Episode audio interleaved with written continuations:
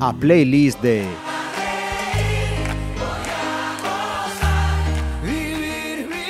Saludos. Arrancamos esta playlist eh, con espíritu mm, deportivo. Bienvenido a esta casa, Evaristo Portela Acuña. Hola, muy buenas.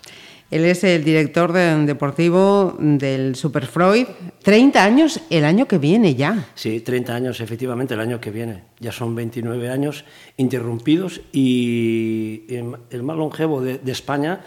De hecho, es que nos van a hacer un- una revista especial porque mm, hay un equipo que efectivamente lleva más años, pero no con el mismo patrocinador. Eh, Freud ahora mismo en España es el que más tiempo lleva eh, y aparte casi con los mismos auxiliares, algo nunca I- visto. inédito. Inédito, sí. Vamos a conocer eh, entonces un poquito más a, a este hombre, que es pontevedrés de nacimiento. Sí, Pontevedra de, de Salcedo, pero... De Salcedo. pero muy orgulloso de, mi ciudad, de Pontevedra. Salcedo y cuéntanos, ¿cómo se llamaba ese señor Portela y esa señora Acuña? Josefa Acuña Bamonde. Josefa. perdón, y Evaristo Portela Canosa. Eh, llega Evaristo, eh, el primero, por aquello de repetir el nombre del padre, o ya tenías hermanos no, o yo ya hermanas. tenía un hermano que se llama Ramiro, cuatro años mayor que yo, y nacimos el mismo día, el 1 de mayo. Eso Eh, El 1 es- de mayo. eh, no sé lo que es. no sé. porque por muchas preguntas que me he hecho, al final llegué a la conclusión que no sé lo que es. El destino, cosas el de la vida, ¿no? eh, planificación, se puede llamar muchas cosas, pero al final me quedé en, blanco y no sé lo que es. Y entonces sois dos hermanos, Ramiro y, y tú, ¿no? Sí. Eh, ¿Cómo recuerdas esa, esa infancia? Cuéntanos, haznos así una, una estampa allí en, en Salcedo. Bueno, eh, una familia del campo, trabajadora, eh, eh, humilde, pero muy feliz. Yo era un chico muy divertido, muy alegre de, de- de- de chavalito y no tenías nada, pero eras muy feliz jugando con los vecinos. Yo recuerdo cuando jugabas a las espadas, a los escondites, a- al trompo y no tenías nada, pero eras súper feliz. y, y hoy echo de menos esos momentos que con nada eras muy feliz y hoy la gente ve que con mucho no es nada feliz y, y es una pena perder esos principios. ¿no? Yo tuve la suerte de no perderlos y, y, y quitar el máximo partido, pero ha sido una infancia preciosa dentro de que aparte compaginaba el trabajo en el campo con, con ir a estudiar, después pues me, me aficioné muchísimo al deporte, jugué al fútbol, practiqué, y pues, pues como mi hermano corría en bicicleta y me entró las ganas de correr y ya gané la primera carrera, pues ahí ya me metí en el ciclismo de, de lleno, ¿no? Pero ha sido una infancia muy feliz, muy feliz. Y querido por unos padres, eh, unos padres maravillosos que sin, ten- sin tener una gran preparación eh, tenían unos valores que para mí eh, me han cautivado y lo llevaré en mi entrevista. No, no yo eh, siempre lo he dicho y lo diré, no, no podía estar más orgullosos de, de mis padres porque lo primero que me enseñaron es valores, valores y eso para mí es lo que le estoy inculcando a mis hijas. Eh, que sean personas con valores eh, y porque la vida necesita gente así, ¿no? Sin duda alguna. Vamos a empezar con esta selección. Es la primera vez que pasa en esta sesenta y pico playlist que llevamos. Las diez canciones corresponden al mismo artista. Con lo cual es evidente que lo tuyo es Julio Iglesias. Sí, sí, no. Yo siempre he sido eh, de Julio Iglesias. Eh, me ha gustado siempre. Eh, vi su trayectoria cuando era portero del Real Madrid, el accidente, me llamó mucho todo eso. Y después, que aunque no tenía una voz, que hay cantantes, y lo sabemos todos, que no tienen una voz, pero es un artista con tanta personalidad, con tanta elegancia dentro del escenario, con una persona que, que a mí me ha cautivado y después que te llega con sus canciones. Es una persona que lo importante es que te llegue y, y sabe comunicar muy bien, él comunica muy bien. Tiene muy buenos eh, compositores y, y él sobre el escenario ya los borda, ¿no? Sí, está claro que detrás de Julio Iglesias tienes que de- siempre detrás de un líder hay gran, un gran equipo, ¿no? Eso lo tengo clarísimo. Yo lo sé por experiencia.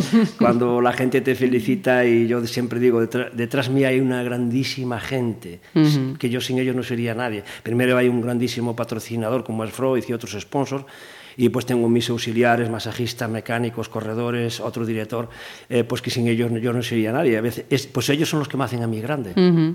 Mira, eh, esa frase eh, se la acabo de escuchar hace un poquito, pero mm, luego lo vamos a saber. La primera selección que nos has hecho es de niña mujer. Sí, de niña mujer. ¿A qué te recuerda esa canción? ¿Hay algo especial en esa canción?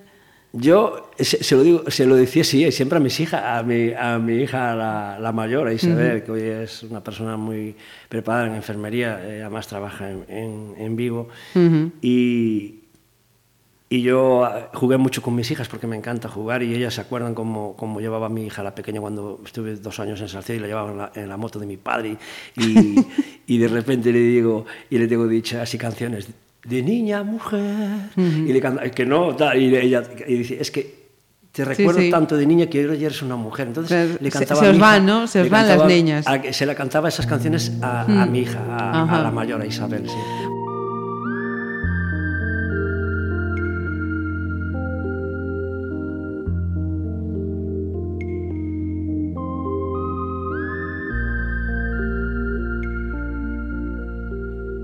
Eras niña de largos silencios y ya me querías bien. Tu mirada buscaba la mía, jugabas a ser mujer. Pocos años ganados al tiempo, vestidos con otra piel. Mi vida que nada esperaba, también te quería bien. Te extrañaba ya tanto que al no verte a mi lado ya soñaba con volverte a ver. Y entre tanto te estaba inventando de niña mujer. Y esa niña de largos silencios volaba tan alto que mi mirada quería alcanzarla y no la podía ver. La paraba en el tiempo pensando que no debería crecer pero el tiempo me estaba engañando, mi niña se hacía mujer. La quería ya tanto que al partir de mi lado ya sabía que la iba a perder. Y es que el alma le estaba cambiando de niña a mujer. La quería ya tanto que al partir de mi lado ya sabía que la iba a perder. Y es que el alma le estaba cambiando de niña a mujer.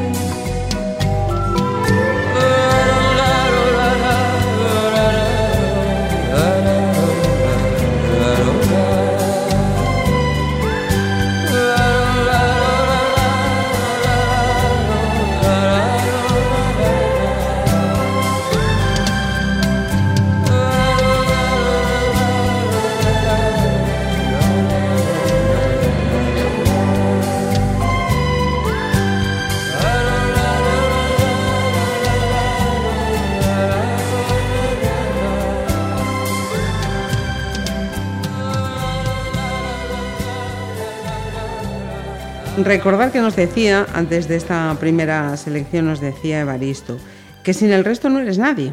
Eh, pero esa frase que él tiene ya eh, grabada, eh, se la decía tu padre a tu madre, tu madre a tu padre. Los- yo ahí creo que los dos estaban de acuerdo, pero yo creo que era más mi madre. Mi madre era una persona con unos, con unos valores tremendos, tremendos. Eh, era una persona que por hacer feliz a todo el mundo, ella pasaba en que sea, si ella tenía, no estaba el euro de aquello cuando era la peseta, pues igual tú eras, eres un chaval y le dices, "Ay, mamá tienes por ahí 100 pesetas y a lo mejor había 150 o 120 pesetas, pues ella te las daba nunca. Y, y después tú te enterabas que mm, yo recuerdo cuando era chico que había una tienda allí en el barrio cerca y, y me gustaba mucho las galletas chiquilín y el chocolate.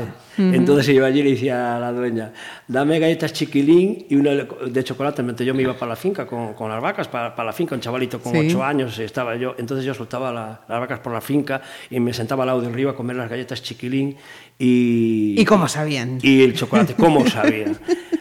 La, la broma fue que era un día tras otro, un día tras otro, y un día eh, llega mi madre a la tienda y le dice, oye, Fina, perdona que te diga, pero es que tu hijo Barito, llevo un mes aquí comprando seguido todos los días dos, paque- dos paquetes de, De chiquilín y dos libras de chocolate, y son 900 pesetas lo que debe aquí. De aquellas 900 pesetas era el sueldo casi de mi padre del mes. Claro, cuando mi madre llegó a casa y me lo comentó, dije, bueno, tierra trágame. Pues todo lo contrario. Lo que me dijo mi madre fue, como es para comer, no me preocupa. Y, y- y- y no nos sobraba el dinero, era el sueldo de mi padre del mes, como quien dice. Sí, ¿no? sí, sí. Y, no me echó la bronca, ni mucho menos. Lo único que me comentó es que se lo comunicara a ella.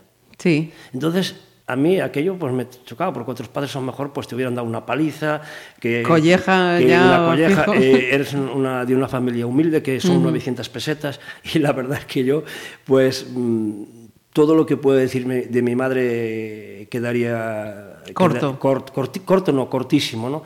Pero más importante que me ha enseñado valores, a ser una persona en la vida, a eh, tender la mano a todo el mundo y, y no mirar si es rico, si es pobre, que es persona. y, y yo a mis hijas les he enseñado, eh, mi hija que ocupa un puesto ahora en, en vivo en enfermería, y digo, trata igual al, al paciente que venga, no tenga nada, tenga mucho, tenga poco, porque son los valores que me gustan a mí, los que me inculcó tu abuela y yo quiero inculcarlos a vosotras. Y así es que tiene una, una fama de, de grandísima persona, de maravillosa, y eso es lo, lo que vale, ¿no? Mi madre falleció el 9 de, de abril y la verdad es que pasé un... Nunca estuve tan bajo eh, porque se me fue algo muy grande, muy grande. La llevo en el corazón, la llevaré mientras viva porque me enseñó tanto y me dio tanto y, y, y me hizo ver que el dinero no es lo más importante, sí que es necesario para vivir, no hay que, que- que dejarse, pero que los valores están por encima del dinero, ¿no? Y, Sin duda, Y para mí sin ha duda. sido una madre espectacular, de 10. Ujú. Mira, eh, Evaristo, ¿y, ¿y cómo era en el cole este, este rapaz? Eh, fu, peleón. Oh. Peleón. eh, me castigaba mucho el profesor porque era, mm, era de mucho temperamento. Eh, yo trabajaba antes de irme para el colegio, me iba temprano a trabajar a la finca con mis padres a las 5 de la mañana.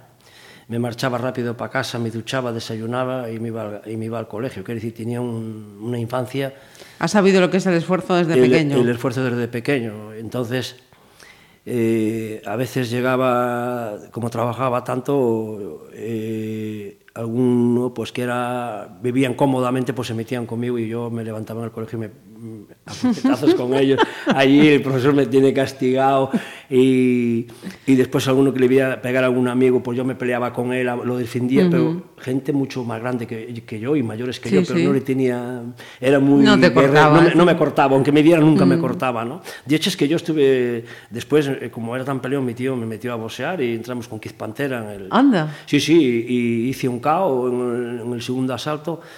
Un, bueno, un rival que tenía cinco años mayor que yo, ¿no? Yo tenía 14 y él tenía 18 o 19. Qué bueno. Y, pero era puro nervio. Y como no me querían dar la licencia para pelear, pues cogí y lo dejé y me dediqué al ciclismo ya. Jugaba al fútbol. Era muy delgado, pero muy fuerte físicamente. O sea, era muy físico, trabajaba mucho. Y, y después, pues, estudiante. Pues mira, me gustaba muchísimo el dibujo, era muy buen dibujante. Me gustaban las matemáticas muchísimo. Mm, a veces era algo vago, solamente cuando tú nos recordarás de que echaba unas películas que llamaban Daniel Boone, Bonanza, y Daniel Boone... Bueno, era, Bonanza, sí, sí. Daniel sí. Boone era por la semana. Entonces a veces le mentía al profesor y le decía que tenía que ir a mi madre a ayudarle al campo porque Bonanza creo que empezaba a las 5. Y entonces era pícaro ya en aquella. Y yo le decía al profesor, don José, mire, me tiene que dejar salir a las 5 se hace el favor porque tiene mi madre sola en casa, tiene que ir al campo. Y, Y tengo que echar y una tengo que mano. echar una mano. Entonces él me decía, bueno, pues dame la lección rápido. Entonces yo estudiaba, le daba la lección y decía, pero ¿por qué no haces así siempre? O sea, me das la lección de maravilla. Y otro día estás aquí toda la tarde y no me la das. Y claro, aquel decía, cuando tienes interés por algo, o sea que cualquiera persona en el mundo cuando tiene interés por algo lo puede... Lo saca le adelante, costará más sí o o menos, sí. pero cuando tiene ilusión Sí. de verdad lo quita y eso lo he, lo he comprobado por mí mismo. ¿no? Sí, señor. Y, y entonces me marchaba para, para la televisión y me, y me ponía allí a ver en una tienda la película, me iba Ajá. para casa tranquilo a la hora de llegar a casa. Y, y nada, al día siguiente pues a veces echaba, tenía, yo no tenía televisión de aquella en casa, pero tenía un vecino que económicamente era, eran más fuertes que nosotros y tenían televisión. Entonces llegué a casa de él, eh, que le llaman, le llaman Secundino, tengo muy buena amistad con él, porque yo sigo, sigo yendo allí a Salcedo y estar con mi gente, sobre todo en Navidades, a visitar a todos mis vecinos que viven, gracias a Dios. Y, y recuerdo que llegaba a casa y decía al madre, "Eh, vengo, Secundino va al colegio y dice, no, Barito, que está enfermo y hoy no va. Bueno, pues yo tampoco, me quedé aquí con él a acompañarle. O sea que, de- dependiendo cómo me levantara el día, iba al colegio o no iba al colegio. ¿no? Era un. eh, eh, Un artista. Era, un artista, era, era, era, jugaba muy bien al trompo, se me daba muy bien tirar eh, con la escopeta. eh, eh, me marchaba en invierno con los cazadores, con el bocadillo de, de chorizo. y, y a veces recuerdo en el colegio que no tenía dinero, a veces que pues, no había para comprar bocadillo de, de, de chorizo, como tenían todos los chavales. Oye, había a veces necesidades. Y no- entonces yo me las apañaba para decir a lo mejor a alguno que tenía pasta, como el hijo de don Luis, que era médico y tenía pasta. Y, y le pedía, oye, se me das mitad de bocadillo, después te doy una peseta y tal. Y me daba mitad de bocadillo, pues quedaba sin el bocadillo, sin la peseta. Tenía esas cosas de pequeño que la Sí. necesidad te obligaba a ser un pícaro. O sea, que Sí. decir, no, te- no tenías Maldad, dinero, no pero- tenía- pero, mm. pero tenías eh, eh, picardía Sí, para conseguir sin dinero las cosas que otros, Que- como lo tenían tan fácil, lo tenían todo. ¿no? Pero lo más importante es que nunca tuve con mala fe. Jamás hice nada por, por, por mala fe. Pero sí que se me van a, pedir hoy que debo dinero pues, a esos amigos míos. Pues a uno le debo una peseta, a otro le debo un bolígrafo, a otro una libreta. Porque, porque tenía que Cuentas hacer... perfectamente saldables y perdonables, sin Sí, duda son alguna. cosas que- que, sin bueno, duda alguna. que- Mira, venga, vamos con otra selección y nos has elegido, como no podía ser mm, de otra manera en esta lista de Julio Iglesias, el canto a Galicia. Hombre, a mí es la canción que más escucho. Sí, sí, porque además Julio Iglesias lo, lo canta, dice que su padre eh, que mucho aquí en San Xenxo. Y, Y en Cangas. E en Cangas, sí, Julio Iglesias ten ido mucho también a Cangas, allí a Casa Simón. Eh, efectivamente. A Casa Simón, sí. Yo, yo lo de Julio Iglesias, aunque no tuve tiempo mucho, on Bills este fin de semana, que, que la veo cada vez que la echan la película, creo que fue este domingo, eh, cuando tuve el accidente, todo el Ajá. proceso, la recuperación de él, todo el tema, así que, que, mm, que vi la película. Seguiste. Sí, sí, sí, sí.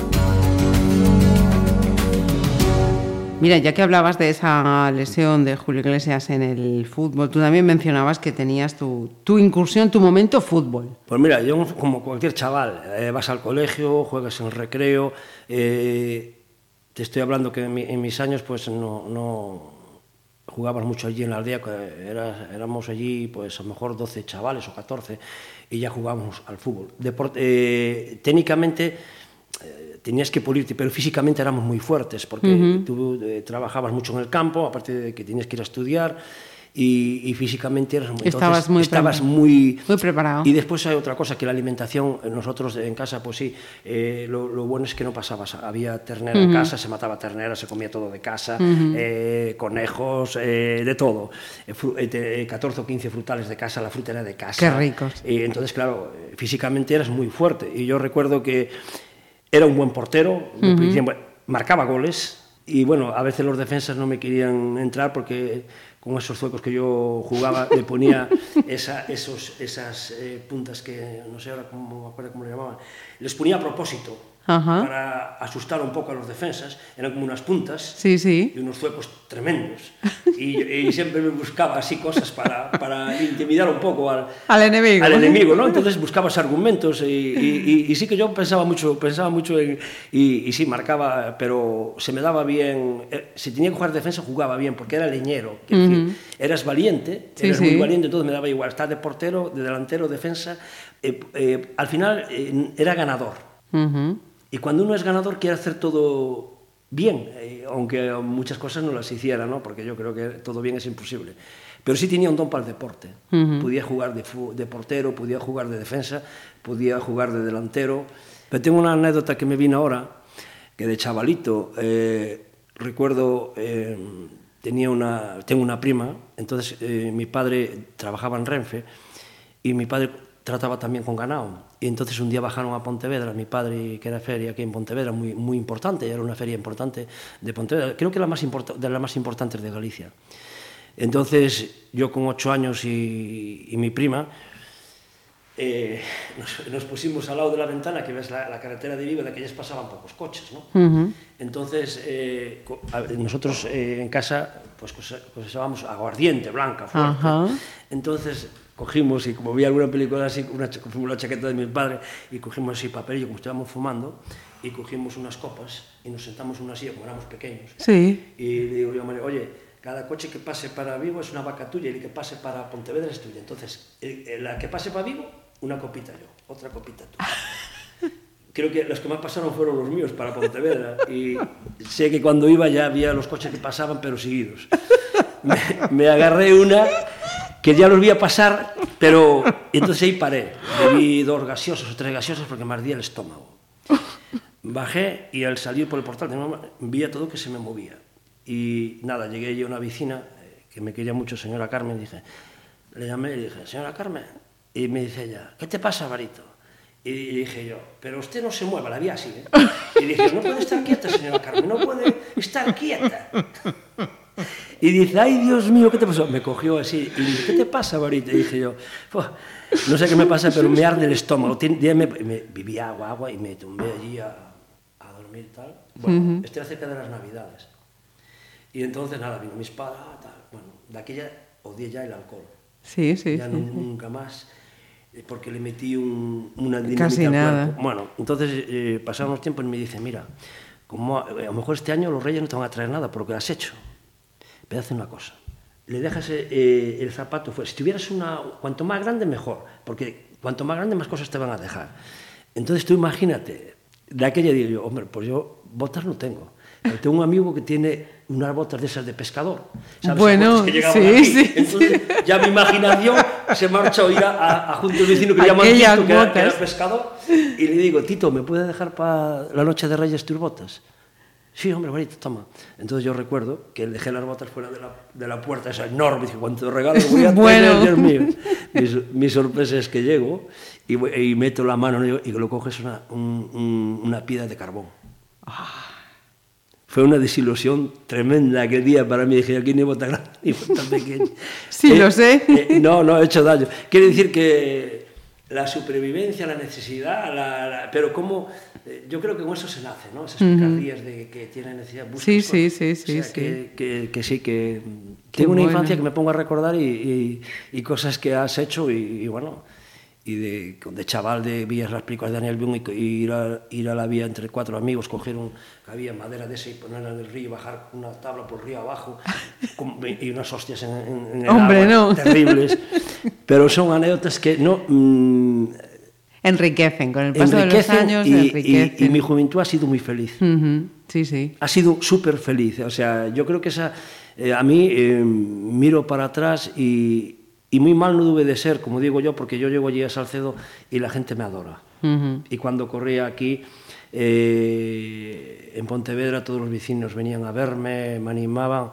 Y, y allí había una, una familia que bueno, era, bastante humilde y tenía ocho hijos. Y yo ya empezaba a correr en bici y, y como no salía a ningún lado, estaba allí con ellos a los domingos a la tarde y bueno, llegaba allí a la cocina, decía, venid para mi casa. Y allí les hacía tortillas, como tenía huevos de casa, tortillas para los ocho chavales, eh, le daba leche, se marchaba. Bueno, eh, cuando corría aquí en la peregrina, aquello era tremendo ver cómo- que nadie se metiera ni venían a animarme. Hoy me llevo muy bien con ellos y, y bueno, lo, lo que más encantado estoy es el cariño que me tiene la gente. No quiere decir que tan malo no pudiste ser. Eso, eso, eso, eso dice mucho Evaristo.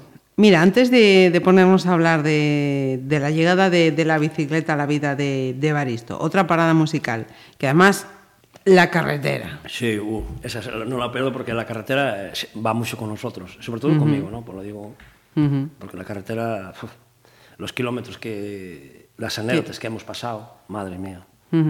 Pues ahora, ahora hablamos de ello. Vamos entonces de nuevo con Julio Iglesias.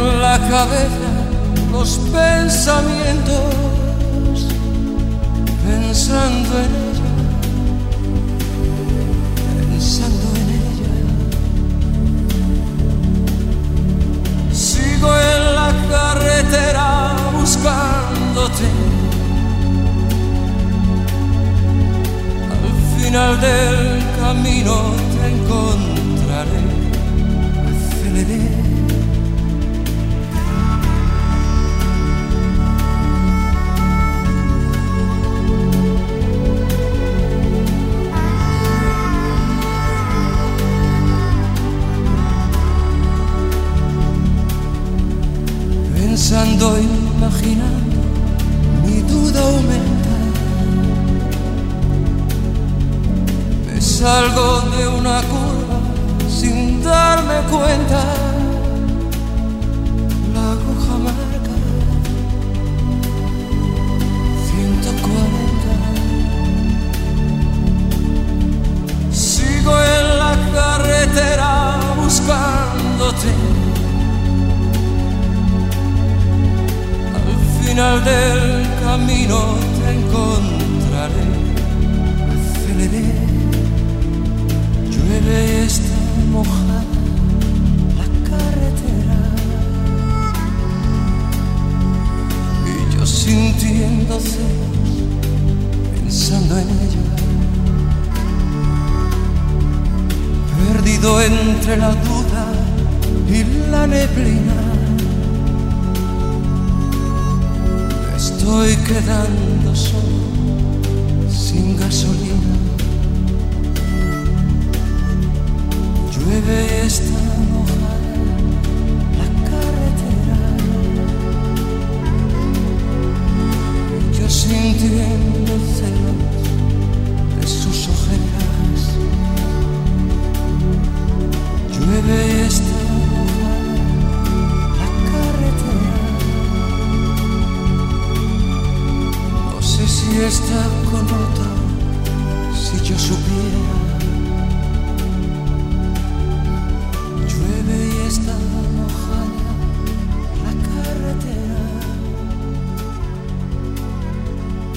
Es noche ya en silencio de larga espera. Me decías, eh, yo había visto a mi hermano Ramiro que le daba la bicicleta, me picó el gusanillo y allá fui yo. ¿Con qué años había sido eso? Pues con 16 años, Con 16 años. sí. Pero bueno, yo ya practicaba deporte, ya como no me dejaron, jugaba al fútbol. eh, de mi casa al colegio hacía todos los días una media entre pues ir al campo, y no hacía una media de 15, 20 kilómetros diarios eh, andando.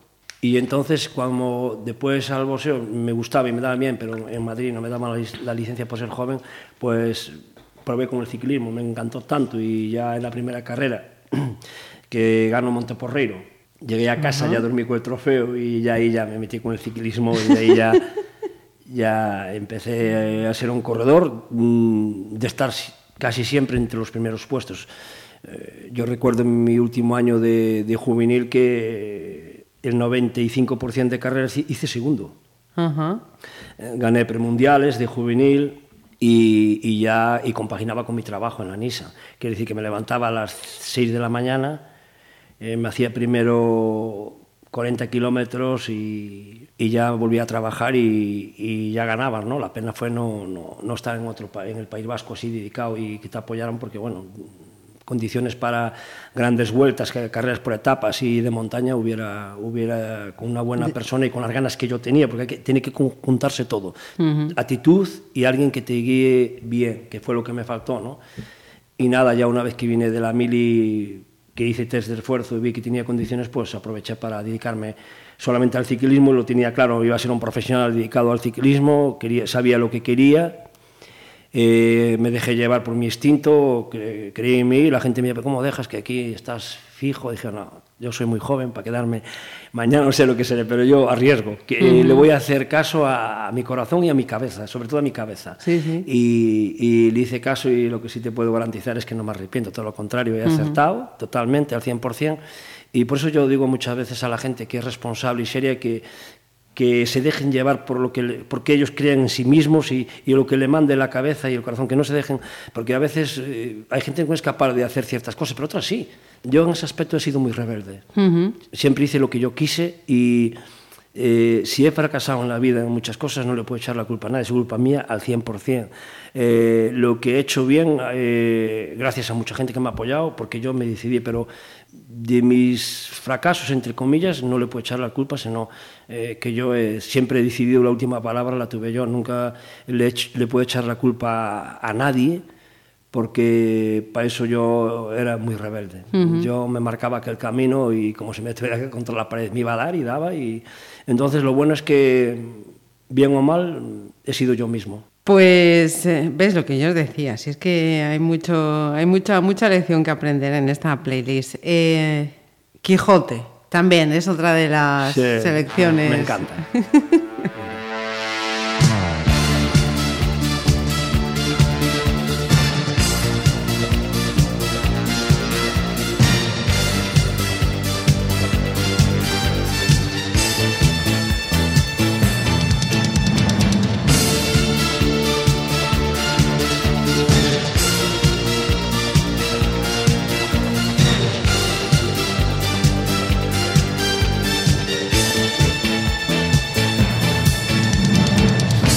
Soy de aquellos que sueñan con la libertad.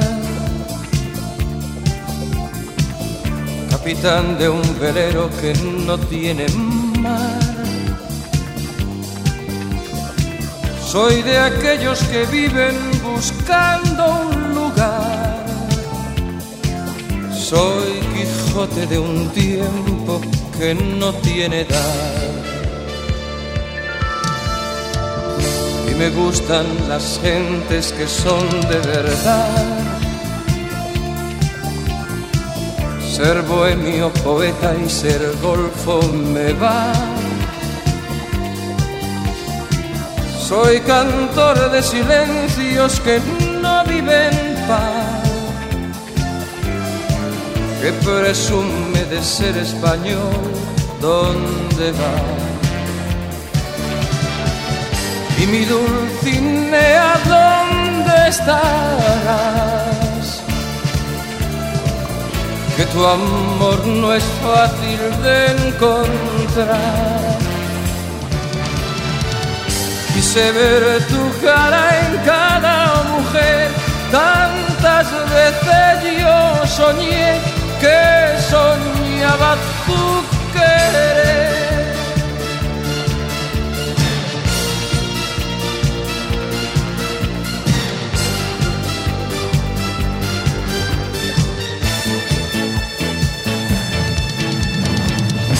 Soy feliz con un vino y un trozo de pan.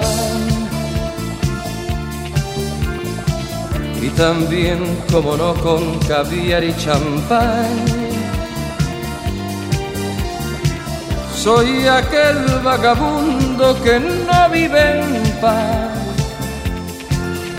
Me conformo con nada, con todo y con más. Tengo miedo del tiempo que fácil se va. De las gentes que hablan, que opinan de más. Y es que vengo de un mundo que está más allá. Soy Quijote de un tiempo que no tiene edad. Y mi Dulcinea, ¿dónde estarás? Que tu amor no es fácil de encontrar. Quise ver tu cara en cada mujer, tantas veces yo soñé que soñaba tu querer, tantas veces yo soñé que soñaba tu querer.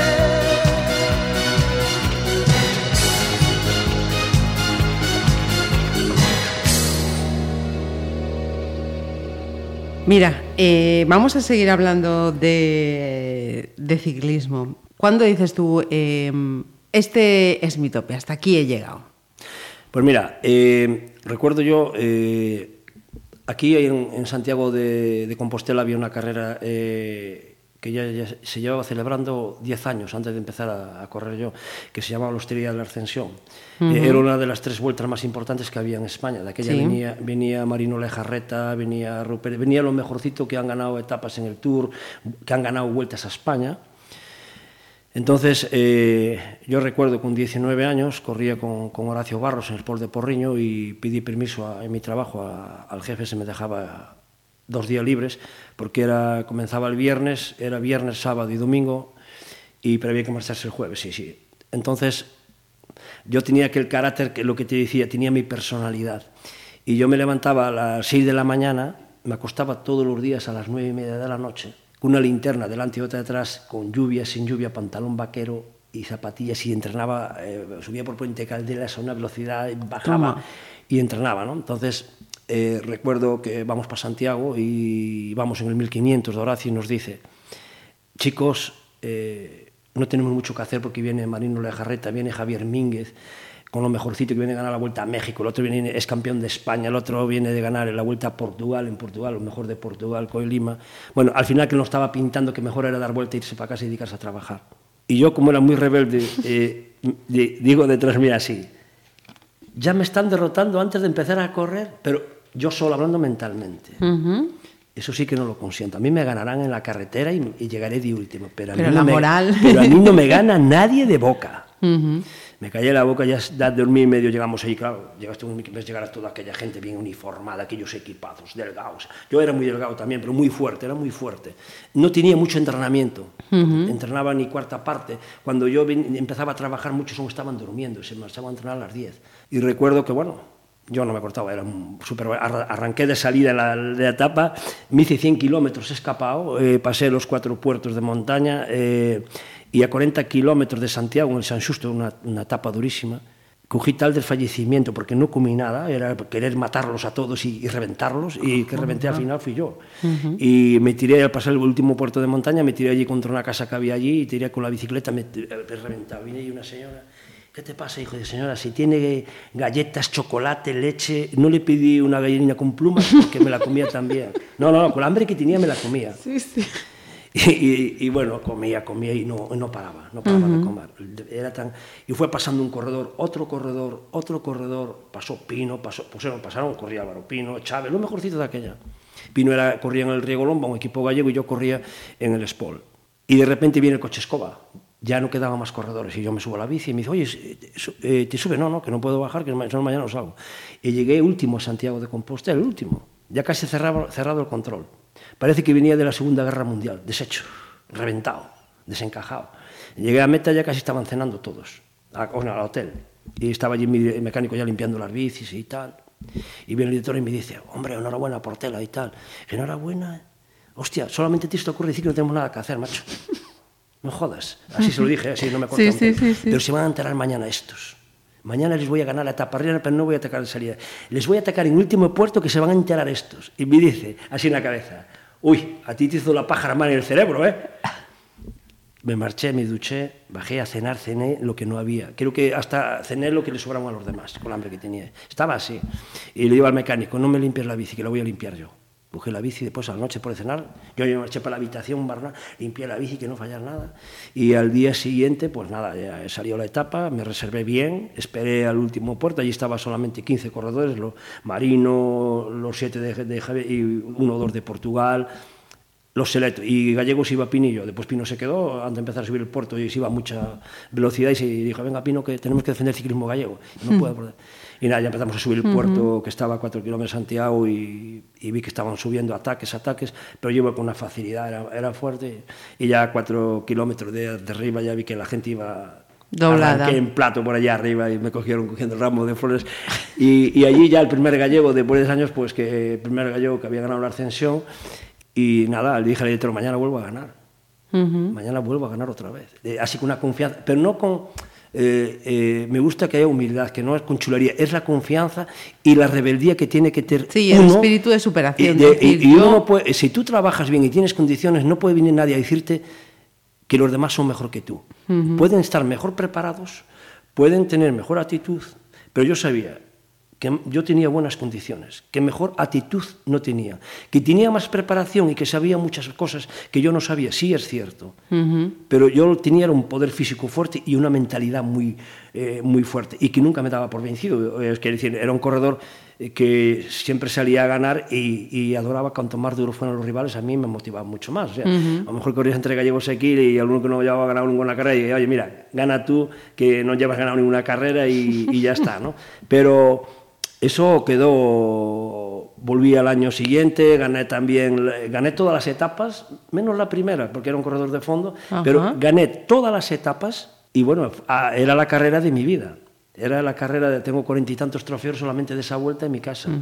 Lo mejor de tu vida, nunca mejor dicho, mejor con la siguiente vida, canción, sí, sí. además. Ese fue, si tengo que poner ni premundiales ni carreras buenas que he ganado por ahí afuera, y yo creo que la, la satisfacción más grande fue la ascensión porque la has ganado lo mejor sitio eh, que había en España y en Portugal de, de aquella gente que ganó en el Tour, que ganó eh, etapas de Tour, que ganaron vueltas a España y Ajá. ganarle todos aquellos corredores eh, para mí fue importantísimo. Entonces, claro, yo confiaba en mí porque yo me cuidaba mucho. Yo no andaba, yo en invierno, mientras los demás andaban en discoteca, yo iba con los cazadores, me acostaba, que te- quería triunfar, quería Sí, triunfar sí. y para triunfar tenía que dejar ciertas cosas que nos aportaba la juventud, y discoteca, bailar, y, y me venían a mí. Yo recuerdo estarme un día de fin de año a las 11 a acostarme, o a las diez y media acostarme porque el día de año nuevo había carrera, que la gané además el día de año nuevo, y no fue capaz nadie. de- Tenía las cosas muy claras con 18 y me decía, nada, cuando tengas 18 y las chavalas empiecen por ahí contigo... ya No, verás". no, no, Y no hubo yo, mujer que- Que no voy a caer en eso, que yo me... Ya bueno, como todos, como todos. Dije, pero que no, como todos no.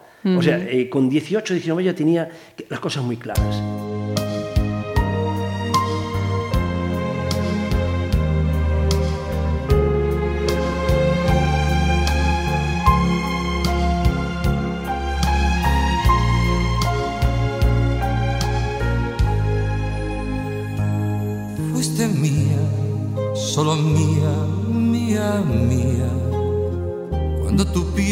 Fresca, como la hierba mojada.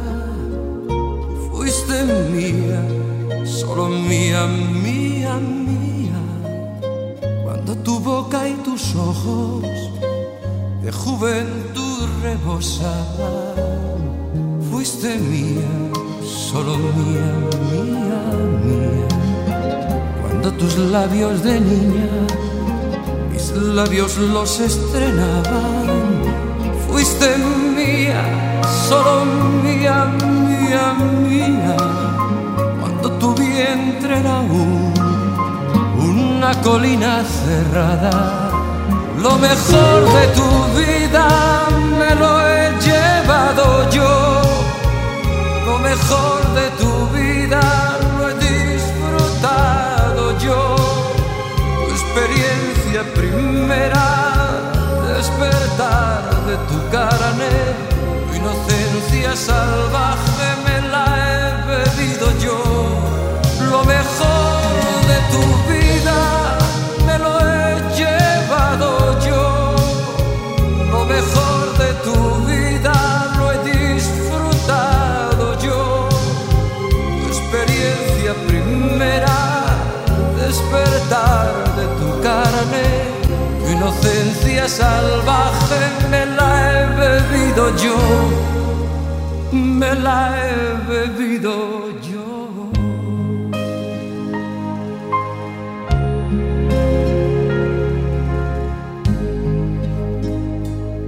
Fuiste mía, solo mía, mía, mía. Cuando tu cuerpo era espiga de palma recién plantada. Fuiste mía, solo mía, mía, mía cuando cerrabas los ojos, apenas yo me acercaba. Fuiste mía, solo mía, mía, mía. Cuando temblaban tus manos, tan solo si las rozaba. Fuiste mía, solo mía, mía, tu ayer no existía pensaba solo en mañana. Lo mejor de tu vida me lo he llevado yo. Lo mejor de tu vida lo he disfrutado yo. Tu experiencia primera, despertar de tu carne. Tu inocencia salvaje me la he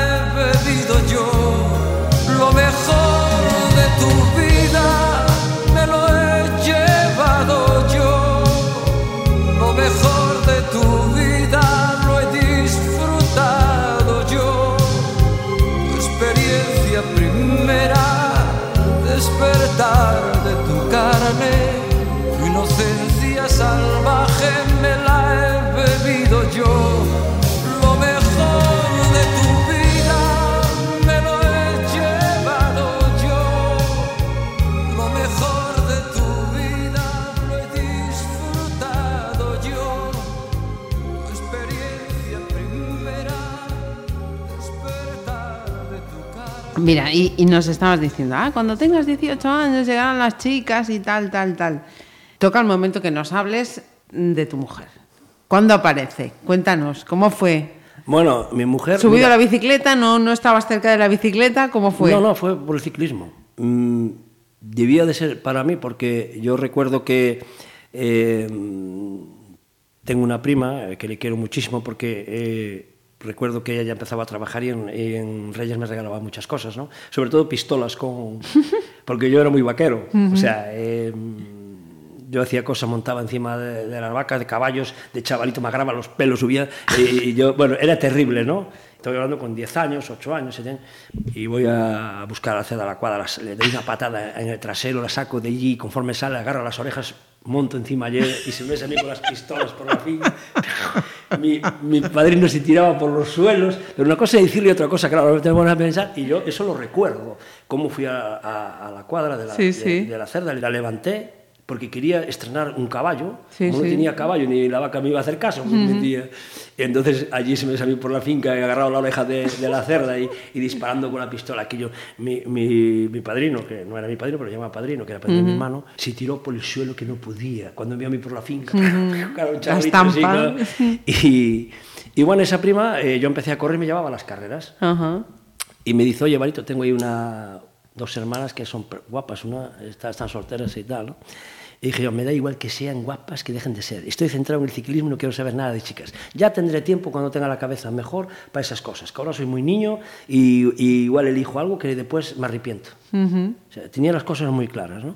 Y no quería que ninguna chica eh, estuviera rompiéndome la concentración porque lo vi a mis amigos que estaban pensando, ¿y mi novia ahora dónde estará yo aquí? Y bueno, cuando le decían los amigos, va, tú tranquilo que estará con un amigo tuyo, bueno, y no, estará bien atendida. Y el chaval, pues la que ella dirá, hostias. Y si es verdad, yo no sé la mente que puede pensar cada uno.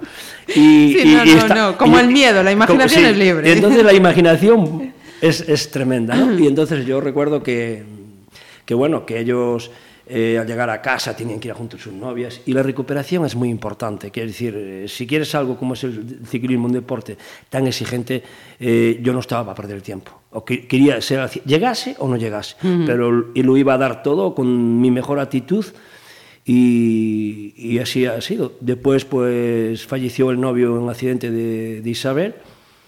Yo me la encontré un día en Pontevedra y así, pero yo no, no hago como decía, "No, yo es que para decir a alguna chica tengo que beber. Yo no, yo no necesitaba beber. Ah, mira, a mí me gustaría salir contigo, pero una cosa, se te ¿Ah, sí? Sí, no, no, pero sí, ¿eh? Estaba- oye, veo que es una gran mujer, que es una...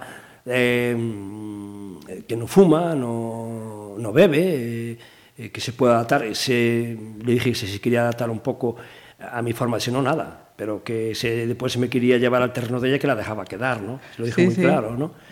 Y bien, aceptó y, y dije, se lo dije así, como estoy hablando tranquilamente, con toda la naturalidad del mundo. Yo creo que eh, si tú bebes, para decirle a una mujer, mm, a mí me gusta decirle a mi mujer de corazón y fríamente lo que siento, ¿no? Como hay que decir las cosas con naturalidad, Sí, sí. no con, con bebidas, porque al final estás diciendo tonterías que no sientes, sino que, que al O día que luego te siguiente- arrepientes. Que al día siguiente no te arrepientes de lo que has dicho, ¿no? Y bueno, ella me conocía de correr y tú imagínate, eso pasaron, de que yo la conocía a ella, pasaron como seis años Sí. o siete. Estaba para ser mi mujer porque mm, yo había conocido, no chica, pero que podía haber salido con otras chicas, eh, que tenía, eh, sobre todo después de estar ganando, con, pues viajas y conoces, pero nunca quise saber nada, ¿no? Estaba Era la bici, después era de la bici, Isabel. Era la bici, pues la bici, pues la bici y, y tenía tiempo de sobra y, y eso yo lo vi por mis compañeros, ¿no? Que después se dejaban con las novias, que era, y que era un follón, si venían las carreras, no se recuperaba bien, ya estaban pensando más en ellas, eh, terminaba la carrera, ya estaban abrazándose, no sé qué, y decía, macho, recupérate un poco, que tú no gastas. Yo, yo, yo subía, al, después de terminar una carrera, subía de, de rodillas al coche. Sí, sí. Ellos subían dando saltos, y claro, llegaban a 10 minutos. De retraso. Claro. Y yo, sois unos cabronazos. Dejáis pedir con vuestras novias y yo, como no tengo novia, me gasto todo en la cara y me mato vivo. Y vosotros sois muy listos, lo gastáis para llegar Se con reservan. Yo, vosotros reserváis para llegar después salir con vuestra novia. Y entonces eh, yo me gastaba toda la fuerza en la carretera. En la bici. No, no, no. sí, eh, sí. me lo gastaba todo. O sea, yo llegaba y, y lo que quería es buscarme la cama rápidamente y descansar, porque me entregaba. Yo siempre, eh, de hecho, es que todas las carreras que he ganado, la, el 98% las- siempre las ganaba escapado, ¿no? siempre en solitario. Y, y eso te ofreció un esfuerzo brutal, porque no eras un sprinter, aunque gané aquí la peregrina. eh, la gané porque tenía un gran equipo como era el Clash y, y podías ir a mucha velocidad, llevar una velocidad muy alta para los sprinters llevarlos muy aficionados, ¿no? Mira, llega Isabel, con el tiempo llega otra Isabel, la Otra que nos has hablado antes, y decías mis hijas, con lo cual entiendo que hay algún hombre de mujer más. Sí, que si fuera hombre no tendría tanta afición al ciclismo. Eh, Ana, Ana Portela, eh, es licenciada en INEF, la tengo también, ella es, le encanta el deporte, muy, muy disciplinada, las dos hacen deporte, pero bueno, está más profesional, me acompaña a mí en bicicleta todos los días a las 8 de la mañana, vamos a hacer dos horitas, en invierno vamos para Lanzado al Lago Castiñeiras, dos meses a hacer de preparación, andar, a correr a la playa, gimnasia, y ahora va a hacer doctorado, es máster de alimentación a nivel europeo, porque me gusta, es lo- la- está llevando también un poco la alimentación del grupo deportivo Freud, porque la alimentación, aparte del descanso y el buen entrenamiento y todo el controlado, eh, la alimentación en general es importante para toda la sociedad, pero un deportista de alto rendimiento más. La alimentación es fundamental. Antes, pues, si busque- podía buscar algunas vías o lo que sea, pero hoy eh, la alimentación es muy importante. Y en eso, pues, pues Ana, como, como con 21 años ya terminó su carrera, porque es, es muy profesional, tiene pasión por el ciclismo, pues la tengo conmigo y es un orgullo porque a veces me dice, papá, si tuvieras un hijo, no, no hubiera... No te salido- hubiera respondido como yo. Y viene, tiene pasión por el ciclismo y después que es muy, muy profesional. O sea, tiene pasión, eh, se preocupa de saber cada día más. La siguiente selección que tengo anotada es eh, una canción de Julio Iglesias que canta con Willie Nelson y que se titula eh, To All the Girls I Loved Before, a todas las mujeres que amé. O sea que acabamos de hablar de las dos Isabeles y Ana, pues perfecto, ¿no? Sí, sí.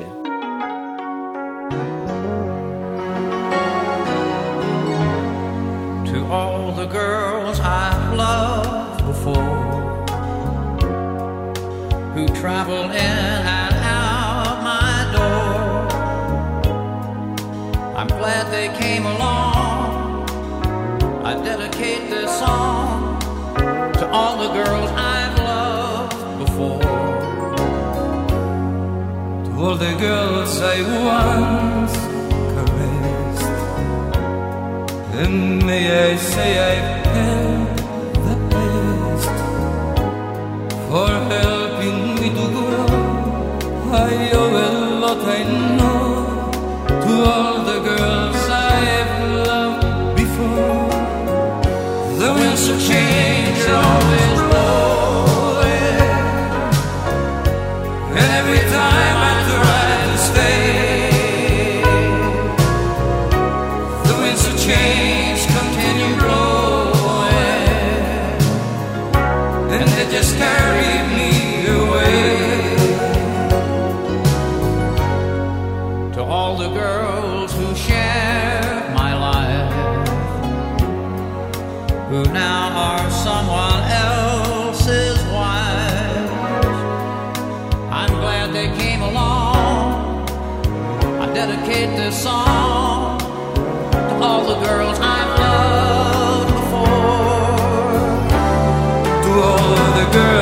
girls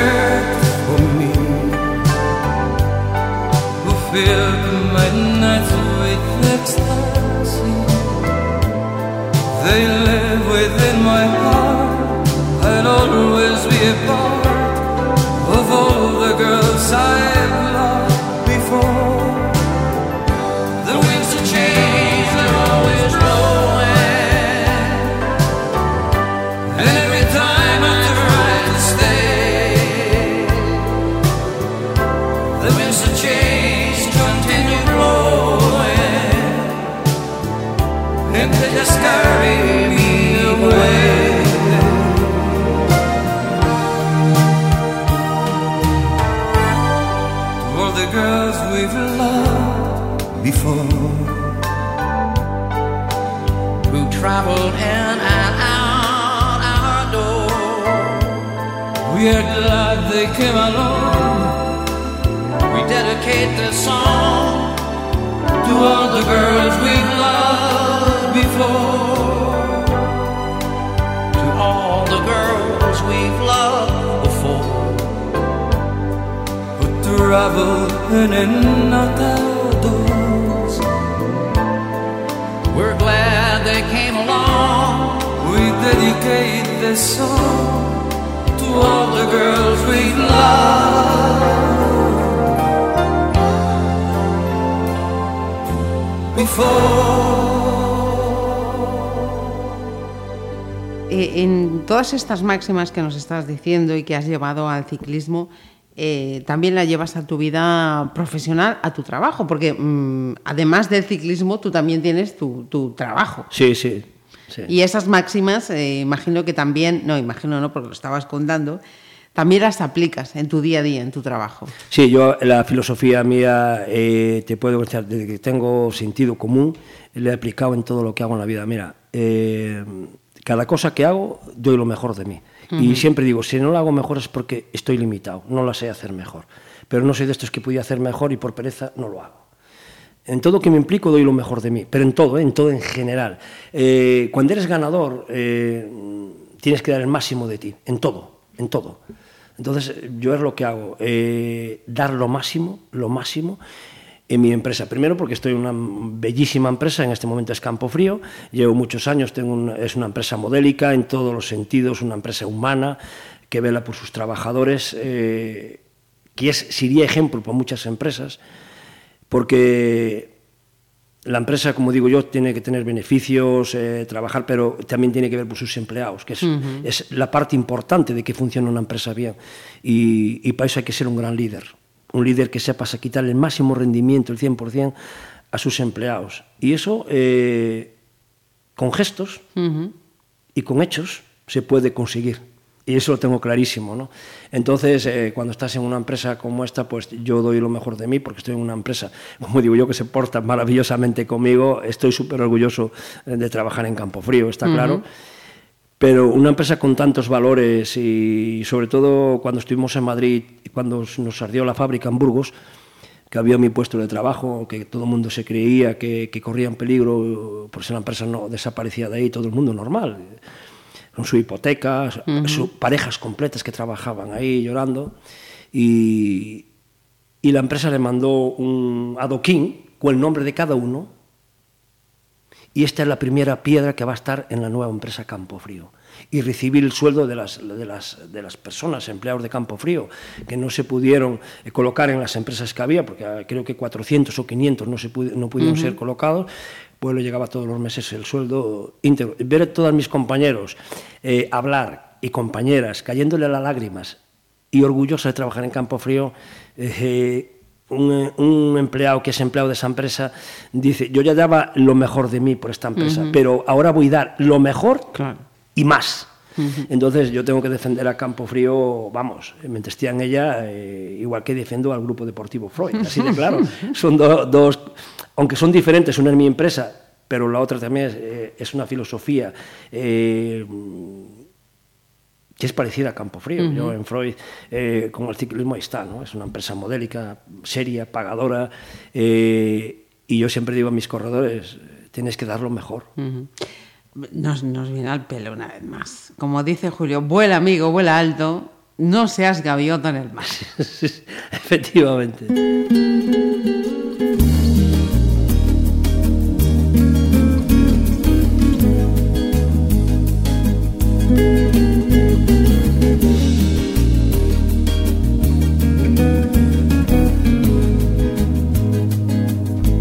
Llegar a la meta cuesta, te cuesta tanto llegar. Y cuando ya estás en ella, mantenerte cuesta más. Procura no descuidarte ni mirar hacia detrás. O todo lo conseguido te lo vuelven a quitar. Aquí no regalan nada, todo tiene un alto precio. El daño que va subiendo, el daño que hay que pagar. Aquí hay que bailarlo todo sin perder jamás el paso. Te suelen soltar la mano si ven que hacia abajo vas. Vuela amigo, vuela alto. No seas gaviota en el mar. Vuela amigo, vuela alto. No seas gaviota en el mar. La gente tira a matar cuando volamos muy bajo. La gente tira a matar cuando volamos muy bajo.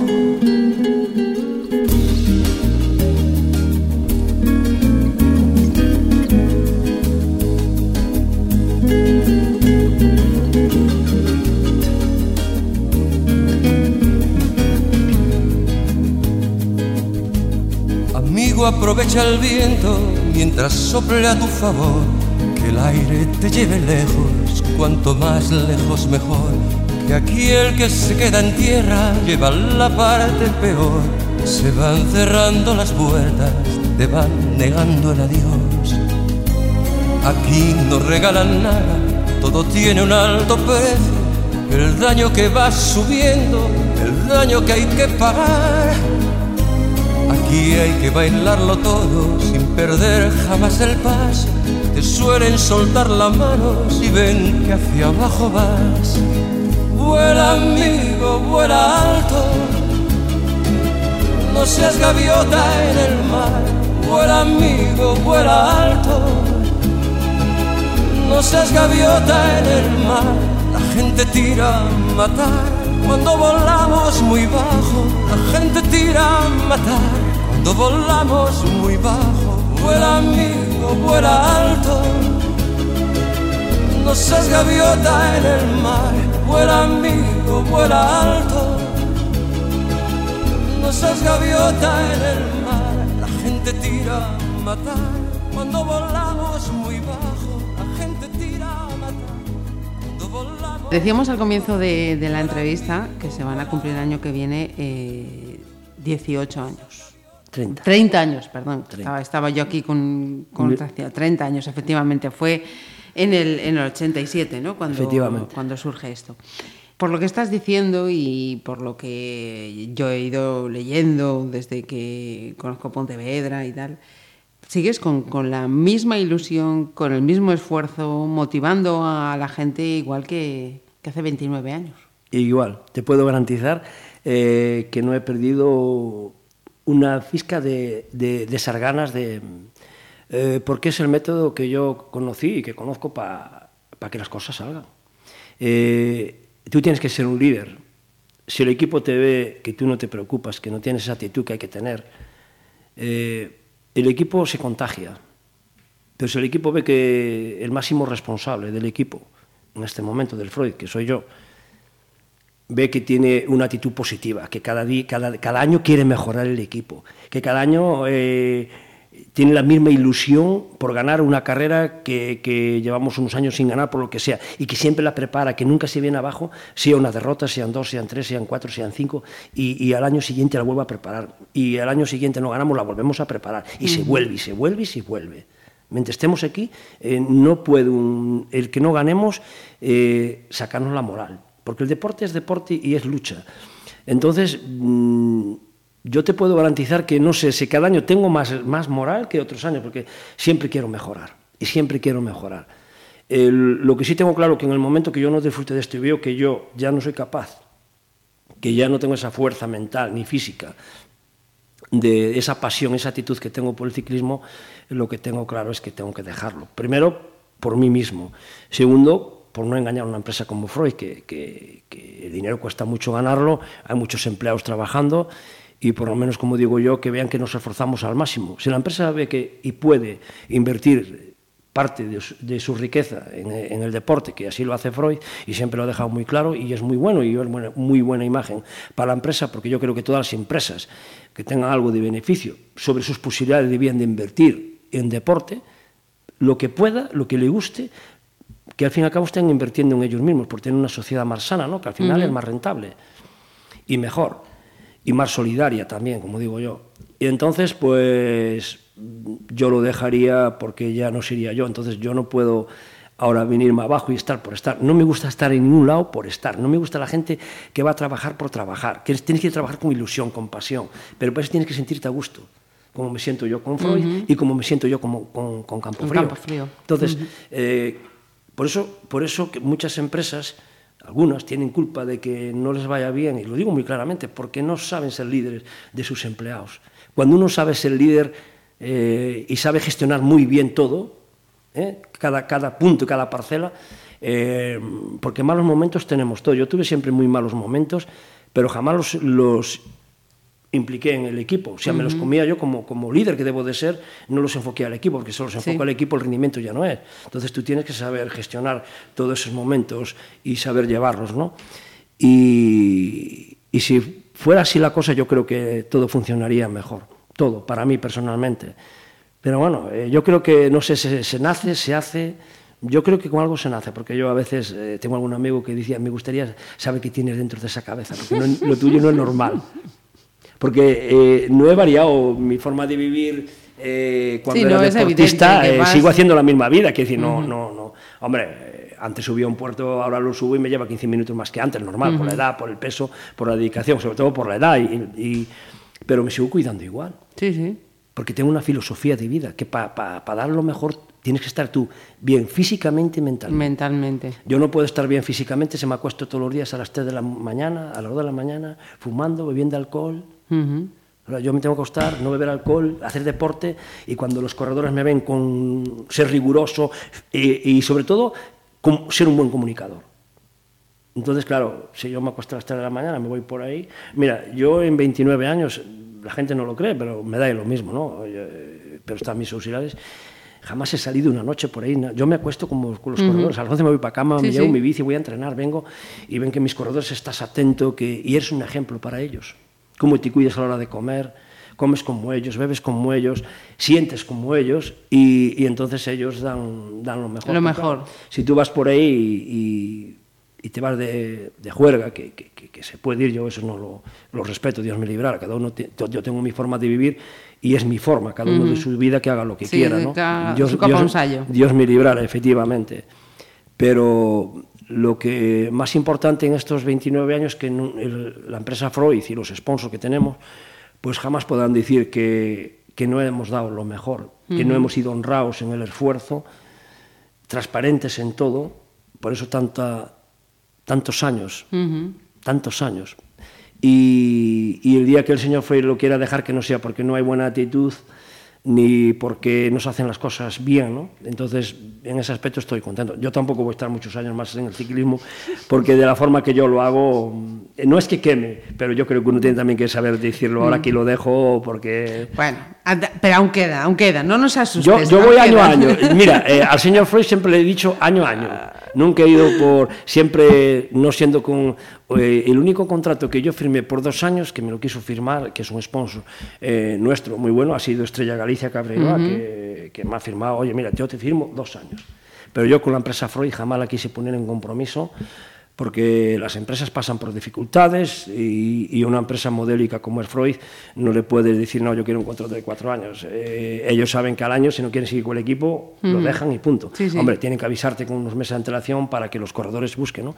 Pero nunca he puesto en compromiso a la empresa Freud, para nada, ¿eh? O sea, eh, la dirección de la empresa, si sigue por el equipo, es porque le gusta el deporte y le gusta el ciclismo, así de claro, porque yo, conmigo siempre se han portado maravillosamente bien y yo jamás sería capaz mm. de, de, de, poner en compromiso a una gran empresa como es esta. Como esta. Vamos a hacer otra paradita eh, con ese agua dulce, agua salada, ah, ¿no? Sí.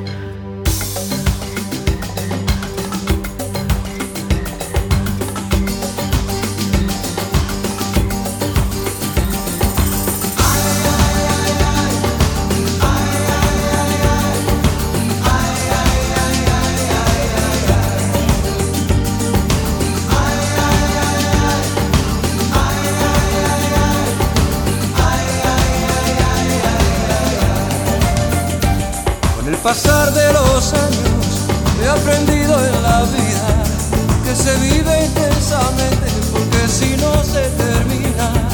Con el pasar de los años el cariño es más bueno, se aprecia lo que se tiene, se respeta lo ajeno.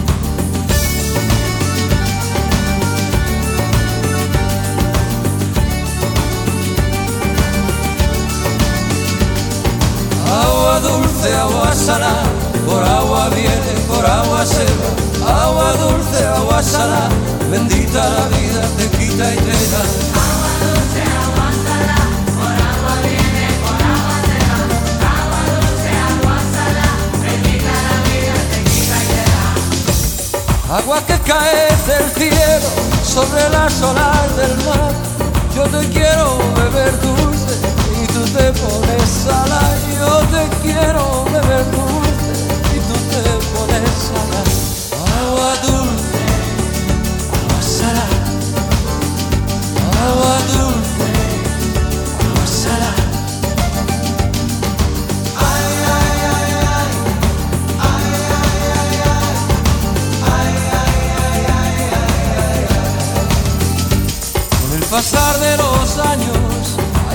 bien los pasos, tomar el mejor camino, aunque se te haga el más largo. El pasar de los años, de las penas se aprende, el corazón se hace duro y el sentimiento más fuerte.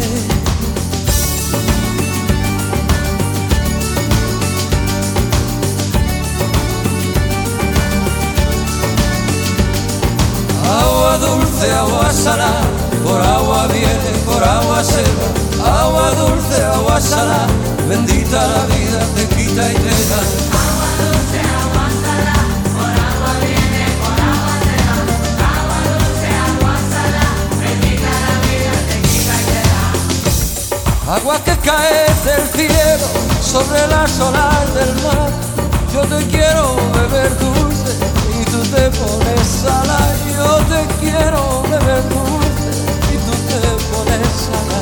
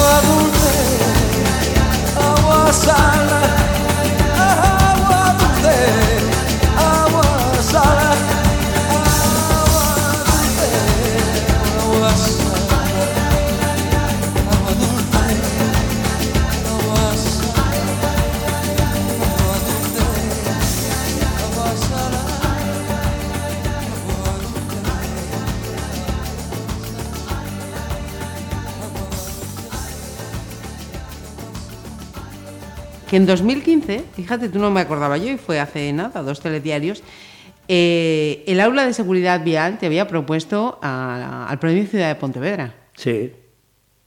Menuda sorpresa. Y ha sido un orgullo, un orgullo para mí. Eh, sí que quisieron, me lo, lo propus- me propusieron.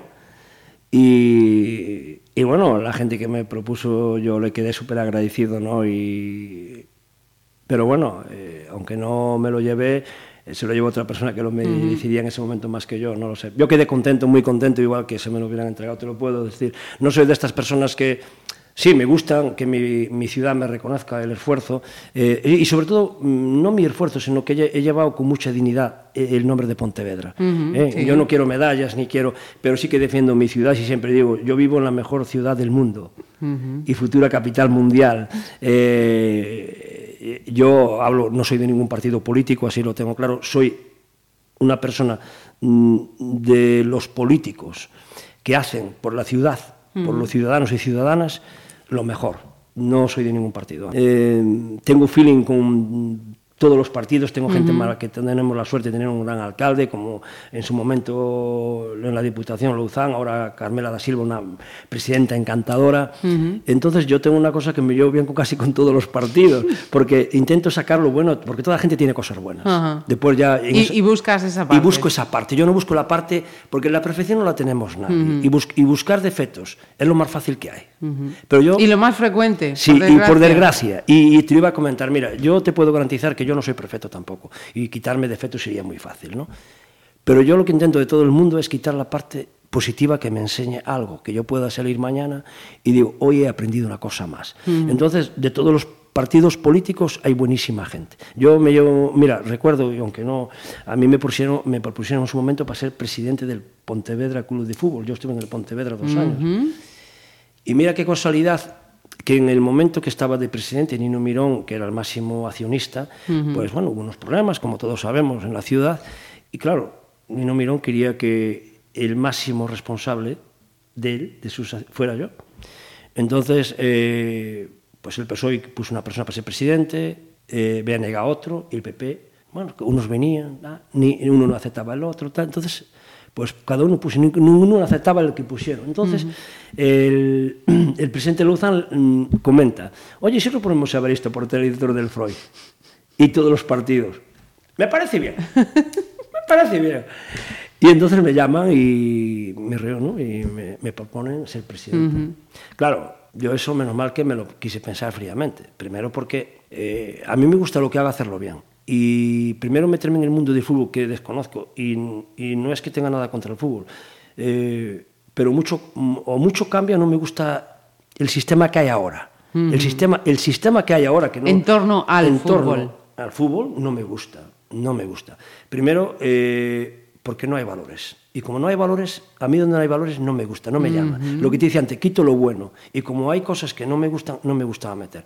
Pero como mi ciudad, mi alcalde, eh, el presidente Luzán en ese momento y todo necesitaban eh, de mí, yo eh, al llegar hablé con, con mi mujer y, y me dice, "¿Pero estás loco, Campo Frío, Grupo Deportivo Freud, presidente del Pontevedra.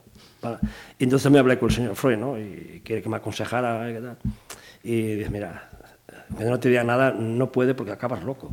Y fue una decisión muy buena. Al final tuve que ser, ser representante de el mayor accionista de Nino Mirón, ayudé a mi ciudad, al Pontevedra, porque al fin y al cabo yo tengo que ayudar a mi ciudad si me lo requieren, porque, porque primero quiero que a mi ciudad le vaya muy bien, no puedo estar más orgulloso de mi ciudad, y primero porque también estoy orgulloso de, del alcalde que tenemos ahora mismo. A mí me cae muy bien nuestro alcalde, ¿no? Lores. Lores me cae de maravilla. Además, era, era médico de mi padre y tengo anécdotas de él que se portó siempre muy bien. Me decía mi padre, que yo no lo conocía ni sabía. Ajá.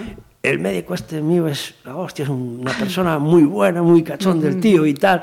Y, y bueno, cuando falleció mi padre, eh, él ya era alcalde de Pontevedra y mi sorpresa es que, que vino a tanatorio y, y allí fue donde entré una, una relación con él. Y, y bueno, pero con eso que te digo, me llevo muy bien con Rafael que me cae de maravilla, con, con gente de, de todos los partidos. Me llevo muy bien porque todos se han portado muy bien conmigo. Teresa Pedrosa se ha portado muy bien. Quiero decir, yo no puedo hablar mal de ningún político de los que tengo amistad. Entonces, por eso no, que, no quiero ser de ningún partido. Entonces, quito. Digo, yo lo que quiero es que seáis buenos con la sociedad, que hagáis algo por la ciudad, que hagáis por la ciudadana, por la ciudadana. Ser buenos gestores. Efectiva, y buenos gestores. Y sobre todo, buenos gestores, que eso es fundamental. Pues si hay algo, esta vez vamos a romper el molde. En esta penúltima selección sí que el título no pega nada con él, porque hay una canción de Julio Iglesias que dice Me olvidé de vivir y con lo que nos está contando Evaristo está claro que ese olvido no lo has tenido. Así que nos quedamos con la canción, pero no con el lema, ¿no? No, yo vivía a mi manera, eso lo tengo muy Ah, claro. también, mira, podíamos haber puesto también el My Way. Sí, sí, yo vivía a mi manera y, y lo importante es que la forma de vivir la elegí yo, no, no me la eligió nadie, ¿sabes? Mm,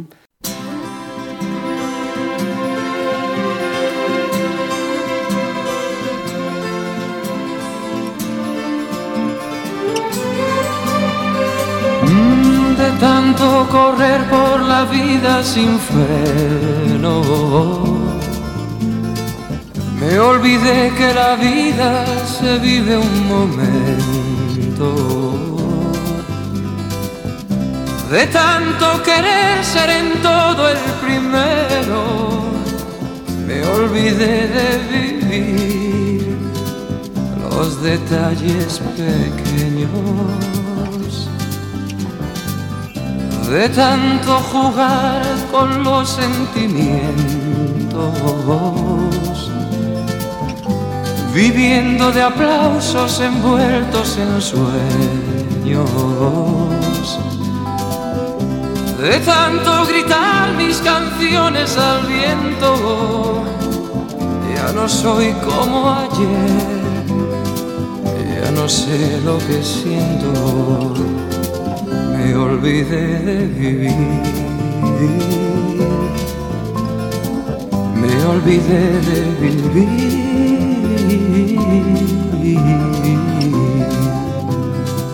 me olvidé de vivir. Me olvidé de vivir.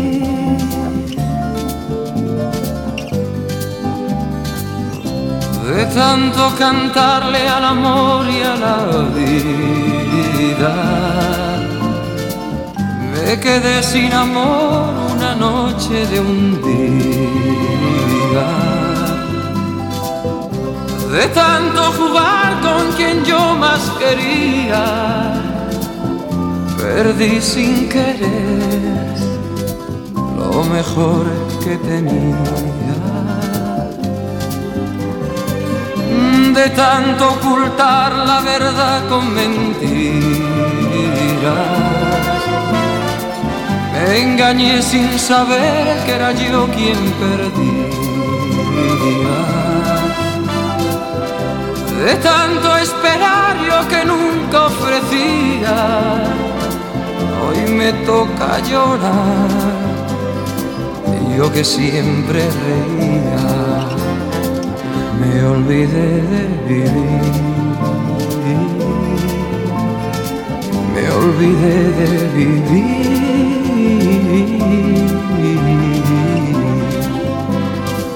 Me olvidé de vivir. Me olvidé de vivir.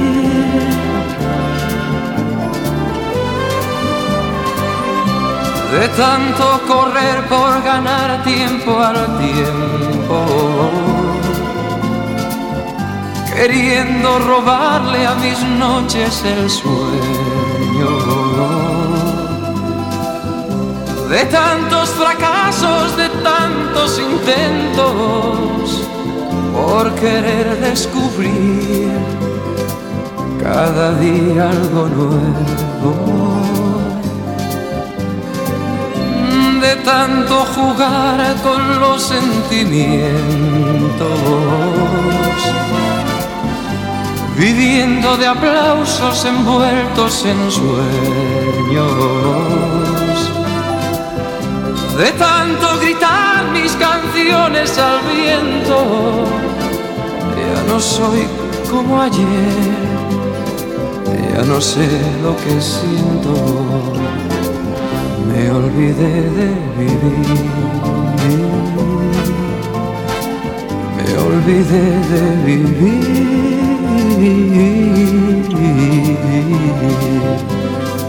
Me olvidé de vivir. Me olvidé de vivir.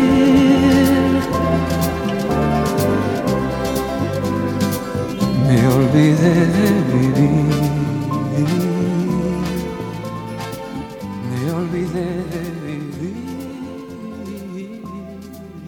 Eh, quería que cerrásemos hablando de Julio Iglesias, que nos lleva acompañando toda esta entrevista. Y mm, antes de ponernos ya aquí sentados, ya formalmente, para que todos escuchéis lo que estábamos hablando, estaba aquí con mi compañera Mónica Pachot haciendo también las, las fotografías y nos estaba contando una anécdota deliciosa con Julio Iglesias o de Julio Iglesias en ese concierto que dio en Cambados, ¿no? Y decíamos, la tienes que contar, Evaristo. Sí, no, contar". además la cuento porque me ha salido del alma. Yo recuerdo estar en la Vuelta a Ávila y, y, bueno, antes de la Vuelta a Ávila yo sabía que ya viera a Julio Iglesias en Pasarón, ya lo viera en San Xenxo y cada vez que da aquí un concierto en Galicia no me lo pierdo. Intento no perderlo, ¿no? a no ser que esté. Y, y entonces, pasando por Cambados, yo me quito una, una entrada porque mi mujer no me quiere acompañar y quito una sola para mí. Y entonces yo le dije, yo voy a ir, pero me gustaría que me acompañaras, como mi mujer, que yo no voy por Claro. ahí solo. Pero si me quieres acompañar, yo voy Te a ir. respeto, tú, Me eh, yo respeto y ella me respetó también y yo fui. Y como tengo un amigo en Ávila que corrió en bicicleta, es un fan del Freud tremendo y un fan mío, se lleva bien conmigo, porque cuando era corredor me porté muy bien con él. No andaba nada, pero era inteligente. El chaval tenía algo, para ciclista no valía, pero yo dije, eh, no vales para ciclista, pero para ser pianista a lo mejor es la hostia. o para otro, para Sí, sí, tuya, sí. pero es muy listo, inteligente, el tío valía. Y bueno, mi sorpresa es que vuelvo de allí unos años a Ávila y, y es un jefe en el Santander. Y me dice, oye, ¿quieres venir conmigo a León? Portela, ¿vas a venir a la Vuelta a Ávila? Sí. ¿Quieres venir conmigo a León a ver Julio? Y yo, no, yo si estoy con el equipo, estoy con el equipo, no me voy de fiesta a ningún lado. Pero actúo en Cambados, bueno, pues mira, no te preocupes. Llegué allí, eh, llegamos a Ávila, tal, viene conmigo en la etapa y me dice, voy a llamar ahora mismo al manager de Julio Iglesias, que es amigo mío. Y dije, va, este me está contando Sí, la milonga. A ver, sa- salió allí con, con más teléfonos que yo corredores que llevaban la carrera casi. Pum, pum, empezó a llamar a yo, oye, mira, voy aquí con el director de Freud, que es amigo mío, Evaristo Portela, necesito unas entradas para ir a Cambados y un póster firmado por Julio Iglesias eh, para mi amigo, bueno, amigo no, porque yo no lo conozco de nada, pero bueno, Dedicado. dedicado a Evaristo Portela, director del Freud o lo que quieras. Bien. Ahí terminó la conversación. Dije, bueno, chorradas. Pero bueno, hablando y bien, tal, Sí, sí, la sí, carrera. Y mi sorpresa es que a una, semana, a una semana de actuar Julio Iglesias en Cambados, me llama por teléfono. Hombre, Miguel, ¿qué tal? Oye, lo, lo prometido es deuda. Cuando llegues a Cambados vas a la cabina número tal, tienes allí lo que te prometí. Y yo me salí así una no, no, tal, y dije yo, hostia. Bueno, yo me voy para Cambaos, tranquilo, voy a la cabina y, y allí me atiende una chica muy amable y digo, mira, es que mm, no sé si tengo esto aquí para mí. Y me dice, ¿cómo se llama usted? Y eh, me enseña el carnet, sí, a ver, esto por la cuña. Me- entonces yo me acredité, normal, y allí tenía todo lo que me había prometido. Claro, yo con tres entradas. Dije yo, entonces me encontré con, gente conocida de Pontevedra y le expliqué, Sí. es que hago yo ahora aquí, con véndelas, que te dan 150 euros por cada una, pero no me parecía correcto. Algo que me habían regalado. Eh, yo, aparte, es una persona co- conocida, pues, en una palabra, no soy un pesetero, ni, ni, gracias a Dios, soy un- una persona muy normal, que vivo normal, pero que no, no me dedico al negocio, a hacer cuando alguien te regala que tú lo vendas, ¿no? Y entonces, bueno, pues había allí un matrimonio que se enteró por ese señor que yo tenía entradas, el alcalde de Sada, que no dejaba entrar al hijo. Entonces eh, vinieron, me encontraron, me pagaban lo que hiciera, oye, 150, 200, te compramos una, una entrada. Y dije, no. Nada, vosotros, Olvídate. Olvídate. Yo se la regalo a vuestro hijo, ¿vale? No quiero saber nada porque a mí no me ha costado nada y yo la regalo más en primera fila. Ah, bueno, pues ya sabes, cuando vengas a Sada, preguntas allí por el niño, que soy el alcalde, lo que te haga falta. Nunca fui a preguntar ni nada, ¿no? Sí, sí. Y cuando estoy así pasando ya, que nos están controlando, estaban así dos señoras mayores, con sus maridos, estaban allá, había una gente toda, mira cómo pasábamos todos, y los señores así. La, la vida es como, como cuando yo era chaval y tenía ganas ¿no? del bocadillo, que aquel hijo del médico estaba comiendo un bocadillo de chorizo de la hostia y yo sin nada. Y oye, dame medio bocadillo que te doy una peseta después. No, yo no tenía una peseta para dársela. Y, y, y con la misma le digo a las señoras al pasar así, porque ah, soy muy espontáneo a veces, ¿eh? me sale. Y, y le digo yo, señora, ¿ustedes qué? ¿No van a ver a Julio Iglesias aquí? Y me dice, ay, figuiño, si tuviéramos cartos para bajar a entrar, claro. Y yo co- cojo y digo, mira, cuartos usted no te dan, pero tiene dos entradas en primera fila. Toma. Allí la gente aplaudirme, las señoras darme un beso y tal. Dejaron a los maridos y vinieron. Se ves allí a las dos señoras sentadas en primera fila viendo a Julio Iglesias. Mira, eh, yo era el tío más feliz del mundo. Te Porque creo. esa, esa, esa eh, podían ser mi madre, ¿sabes? Y esa gente que no tiene oportunidad de nada, ese momento de que, que, que no fue nada, pero ver, Para ellas, verlas, imagínate, porque yo me fijaba claro. en cómo ellas se sentían, cómo ellas estaban, y, y debía ser gente que adoraban a Julio Iglesias, sus canciones, pero que no tenían oportunidad Claro. de, de ir a verlo. Mm, Esas cosas a mí me hacen, a mí me hacen sentir muy bien por mi forma de ser. y, y me marché de allí más contento. Nunca supieron quién se las dio ni más, porque yo no me presenté ni nada, yo se las di, punto. No dije, mira, soy tal, fulanito. Sí, sí. al final parece que estás vendiendo el favor, ¿no?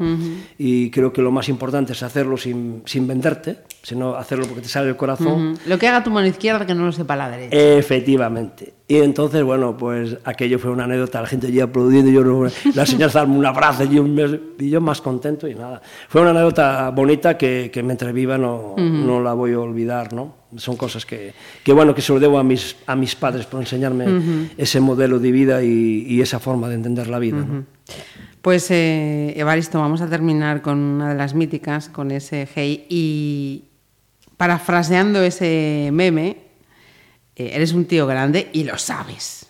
Bueno, Y soy, lo sabes. yo soy una persona eh, normal que transmito eh, Buen alegría, rollo. Buen rollo. Buen ¿sabes? rollo. Eh, yo lo que más me alegro es que la gente quiere estar conmigo. Hay corredores que me llaman, quiero estar contigo porque nos haces, estamos bajo de mano, nos haces subir. Eh, siempre he sido una persona positiva y, y pasando por dificultades, pero yo sé que si no estás motivado y con ganas, las- lo haces peor y que un- eh, la persona tenemos que quitar carácter ante las dificultades, que la vida nos pone muchas dificultades en el camino y lo importante es saberlas superar. Y si tú estás bien mentalmente y físicamente, eh, yo te he superado dificultades y si no hubiera sido capaz de superar esas dificultades, no hubiera disfrutado de las cosas buenas que me estaban esperando. Si pongo un stop en aquel momento que había dificultades y tuve dificultades enormes, y dije, no, tengo que luchar, volverme a levantar, tirar para adelante, que ahora estoy pasando un momento malo, pero esto no puede durar toda la vida. Así que no me voy a dar por vencido nunca. Y confiar en uno mismo. Y, y eso es lo que... Ahora, eh, darse por vencido a la primera de cambio no se lo aconsejo nunca a nadie.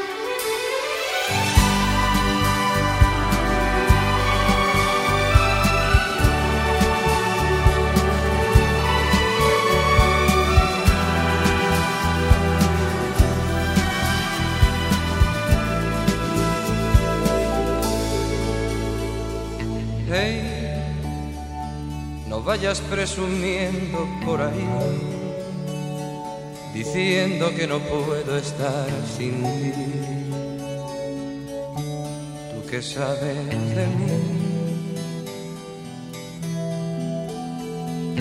Hey, ya sé que a ti te gusta presumir, decir a los amigos que sin ti ya no puedo vivir. Hey, no creas que te haces un favor cuando hablas a la gente de mi amor y te burlas de mí. Hey, que hay veces que es mejor querer así que ser querido y no poder sentir que siento por ti. Y a ver, tú nunca me has querido, ya lo ves, que nunca he sido tuyo, ya lo sé pues solo por orgullo ese querer. Y a ver, ¿de qué te vale ahora? Ahora que no estoy ya junto a ti, ¿qué les dirás de mí? Hey, recuerdo que ganabas siempre tú, que hacías de ese triunfo una virtud. Yo era sombra y tu luz.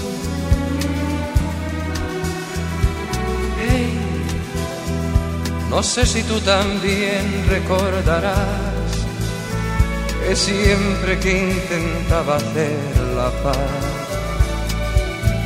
yo era un río en tu mar. Y a ver, tú nunca me has querido, ya lo ves. Que nunca he sido tuyo, ya lo sé. Pues solo por orgullo ese querer. Y a ver ¿De qué te vale ahora presumir? Ahora que no estoy ya junto a ti, ¿qué les dirás de mí?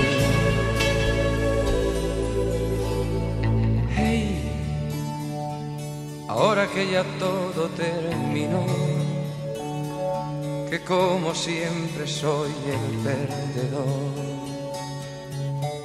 cuando pienses en mí.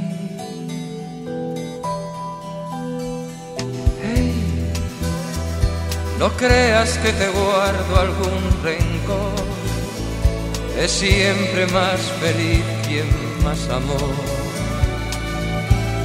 y siempre fui yo. Y a ver, tú nunca me has querido, ya lo ves que nunca he sido tuyo, ya lo sé, pues solo por orgullo ese querer. Y a ver, tú nunca me has querido, ya lo ves, que nunca he sido tuyo, ya lo sé, pues solo por orgullo ese querer y a ver, tú nunca me has querido